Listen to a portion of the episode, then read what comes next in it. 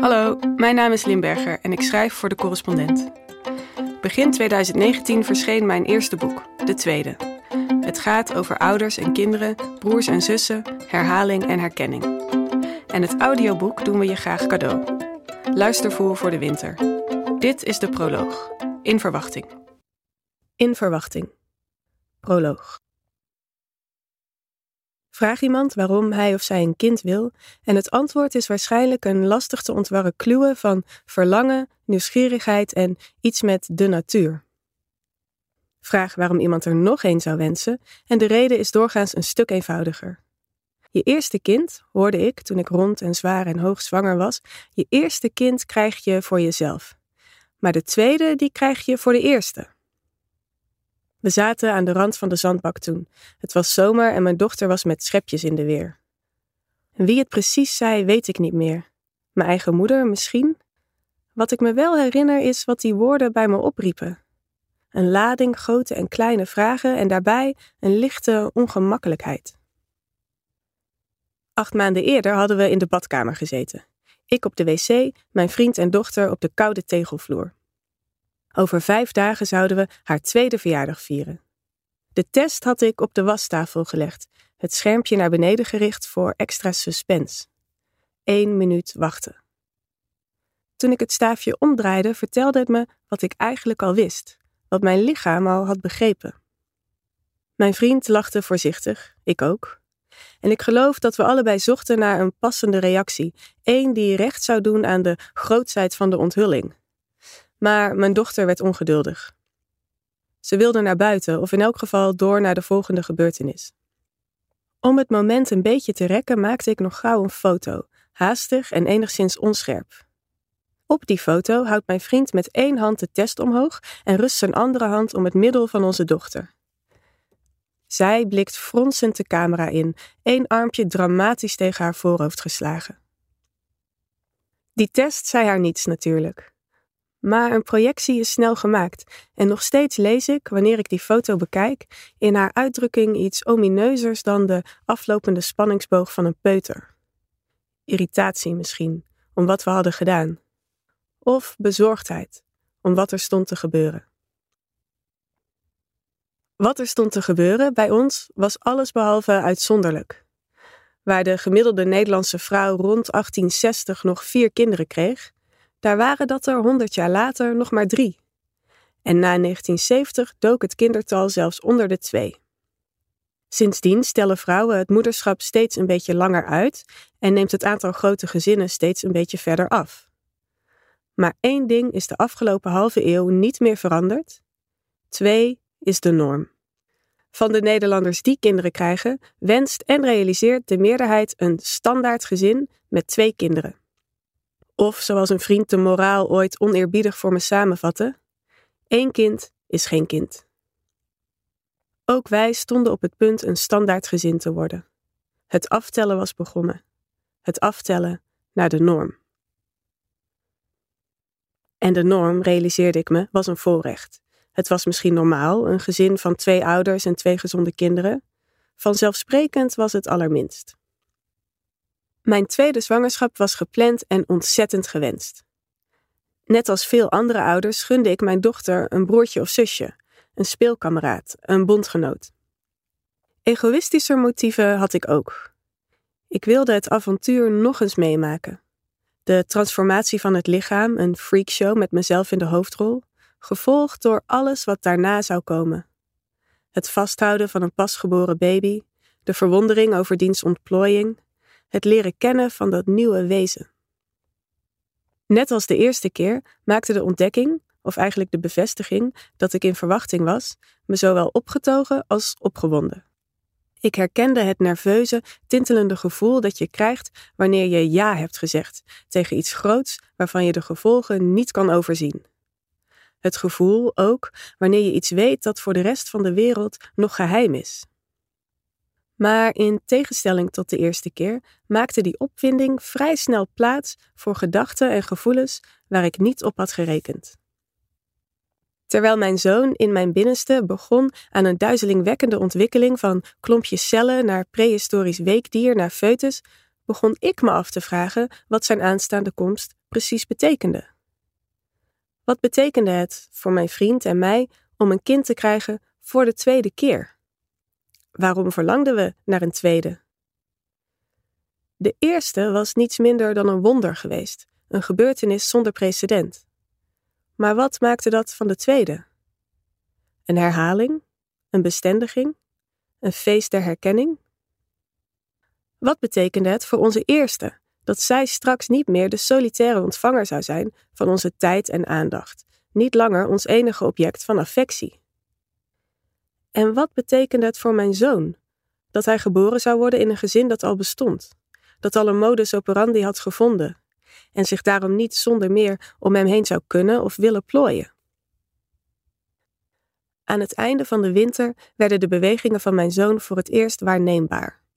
Ze begonnen als lastig te duiden trillingen diep van binnen, zwak als de ondergrondse signalen van een aardbeving honderden kilometers verderop. Al gauw gingen ze over in strelingen, en die strelingen werden het onmiskenbaar koppeltje duikelen van een mens in miniatuur. Maak je geen zorgen, zeiden die duikelingen. Ik beweeg, ik leef, ik ben onderweg. Hier had ik naar uitgekeken. Maar de sensatie was niet louter geruststellend. Ik merkte dat ik minder lang bij zijn roerselen stilstond dan ik destijds bij het bewegen van zijn zus had gedaan. De reden was die zus zelf. Zij leidde af, vrat aandacht en putte in al haar kinderlijke onschuld mijn door zwangerschap behoorlijk geslonken energiereserves volledig uit. Mijn zoon was dus nog niet eens geboren, of ik gaf hem al minder aandacht dan ik wilde. De tweede krijg je voor de eerste. Tegen de tijd dat ik dit hoorde, in de zomer bij de zandbak, kon ik het ongemak dat die uitspraak teweegbracht zonder moeite plaatsen. Want was het niet juist de grote vraag wat de eerste precies zou krijgen? Van wat de uitbreiding van ons gezin zou doen met ons gezin, had ik ook geen idee. En wat de tweede zelf zou krijgen, was al even ongewis. Pas toen mijn verlof al lang was ingegaan en het buiten zo heet was geworden dat binnenblijven me de enige optie leek, kwam het bij me op dat er aan de gedachten en gevoelens over mijn tweede zwangerschap bepaalde veronderstellingen ten grondslag lagen. De automatische aanname, bijvoorbeeld, dat een kind beter af is met broer of zus dan zonder. Maar ook dat we met de komst van de tweede onze eerste niet alleen iets zouden geven, maar haar ook iets zouden afnemen. En de aanname dat de tweede, die überhaupt nooit de exclusiviteit zou kennen waarvan we de eerste zo meteen gingen beroven, op voorhand 1-0 achter stond. De tweede, de troostprijs, de net niet winnaar. Deze aannames kwamen ergens vandaan. Het moest mogelijk zijn uit te zoeken waar vandaan precies, leek me. En om uit te zoeken in hoeverre ze terecht waren. Ik begreep ook niet waarom ik niet eerder bij deze veronderstellingen had stilgestaan. Maar gaat het zo niet altijd? Dat je denkt te weten waar je aan begint, om vervolgens verrast te worden door de discrepantie tussen concept en uitwerking, tussen idee en realiteit? En is ervaring ook niet vaak een vereiste voor reflectie? Kan je je van sommige zaken misschien pas afvragen wat ze betekenen wanneer je er al middenin zit en er geen weg terug is bovendien? Over het ouderschap zijn boekenkasten volgeschreven, van sprookjesboeken, romans en memoires tot polemieken en essaybundels. Op mijn eigen plank staat een aardig rijtje. Maar in verwachting van de tweede ontdekte ik, voor deze nieuwe ervaring hebben we nog weinig woorden. De meeste bespiegelingen op het ouderschap gaan over de verwondering en overrompeling die een eerste kind veroorzaakt. Veel minder vaak beschrijven ze wat er gebeurt wanneer er nog een bij komt. Het is alsof we het liever over de revolutie hebben dan over de renovatie. Liever over vernieuwing en verbazing dan over het bekende liedje. De literatuur rondom dit onderwerp vertelt veel over de spanning van de primeur, maar zwijgt over het plezier van de herkenning. En dat is niet zo gek. Nooit is de impact zo groot, de schok zo hevig, als wanneer je voor het eerst een kind krijgt. Van het ene moment op het andere ben je de wereld van het ouderschap binnengevallen. En eenmaal daar kun je nooit meer terug. Maar als twee de norm is, wordt het dan niet tijd om uit te zoeken hoe het met de tweede staat? Wat het betekent om een tweede te krijgen en wat het betekent om er een te zijn? Wordt het niet eens tijd om woorden te geven aan hoe het verder gaat, wanneer je met elkaar nog steviger verankerd raakt in die nieuwe werkelijkheid? De werkelijkheid van het standaard gezin?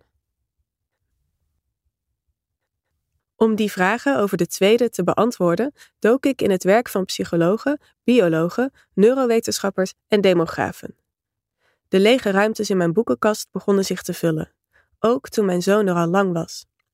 En hoe meer ik las, hoe meer mensen ik sprak, hoe meer ik begreep dat ik voor mijn zoektocht ook veel dichter bij huis moest zijn. Letterlijk, omdat ervaring soms haar eigen antwoord vormt. Zo leerde ik dat we elkaar al eeuwen verhalen vertellen over jaloezie en rivaliteit tussen broers en zussen. En dat die verhalen onze kijk op de komst van de tweede beïnvloeden. Hierover gaan hoofdstuk 1 en 2. Terwijl ik me verdiepte in hoe het geheugen werkt na de komst van een kind, merkte ik bij mezelf dat mijn herinneringen aan de eerste en de tweede door elkaar gingen lopen. Ik kwam erachter dat herhaling ook een vorm van vernieuwing kan zijn. Eén die een nieuw soort vreugde met zich meebrengt. Hierover gaat hoofdstuk 3. Ik ontdekte dat er wetmatigheden zijn in de wijze waarop broers en zussen elkaar beïnvloeden. Maar tegelijkertijd drong het tot me door dat die wetmatigheden ons lang niet alles vertellen. Mijn eigen kinderen en ook mijn eigen zusje maakten dat voortdurend duidelijk. Hierover gaat hoofdstuk 4. Naast de wetenschap begon ik daarom steeds beter te kijken naar mijn eigen gezin. En naar wat het betekent dat dit nu uit vier leden bestaat. Hierover gaat hoofdstuk 5. Wie twee kinderen heeft, zag ik, moet soms moeite doen om die twee kinderen los van elkaar te zien. Want vergelijken zit de mens in het bloed. Hierover gaat hoofdstuk 6. Bijna verdwaalde ik in de literatuur over het geboortevolgorde-effect. De theorie dat de eerste en de tweede worden gevormd door hun positie in het gezin. Tegen de tijd dat ik de weg weer had gevonden, wist ik hoe volkswijsheden werkelijkheid kunnen worden. Hierover gaan hoofdstuk 7 en 8. Terwijl ik sociologische en economische artikelen bestudeerde over hoeveel tijd twee kinderen hun ouders kosten, merkte ik dat die kinderen nog iets heel anders doen met de tijd. Ze vervormen de manier waarop we als ouders de tijd beleven. En dat is minstens zo ingrijpend. Hierover gaan hoofdstuk 9 en 10. Lezend over demografische ontwikkelingen en in gesprekken met de ouders om me heen kreeg ik door hoe sterk de komst van een kind is verbonden met factoren buiten je gezin. Met culturele normen, economische omstandigheden en institutionele voorzieningen. En zelfs met het klimaat. Hierover gaat hoofdstuk 11. Gaandeweg begon ik te begrijpen dat onze verwachtingen van de tweede niet alleen een basis hebben in het verleden, maar ook een stempel op het heden drukken. En op de toekomst. De tweede is de weerslag van een zoektocht die zich deels in de wetenschappelijke literatuur afspeelt en deels in mijn eigen huis. Dit boek is ontstaan door iets met de natuur, nieuwsgierigheid en bovenal verlangen. Het grote verlangen om het tweede kind en de tweede keer beter te begrijpen.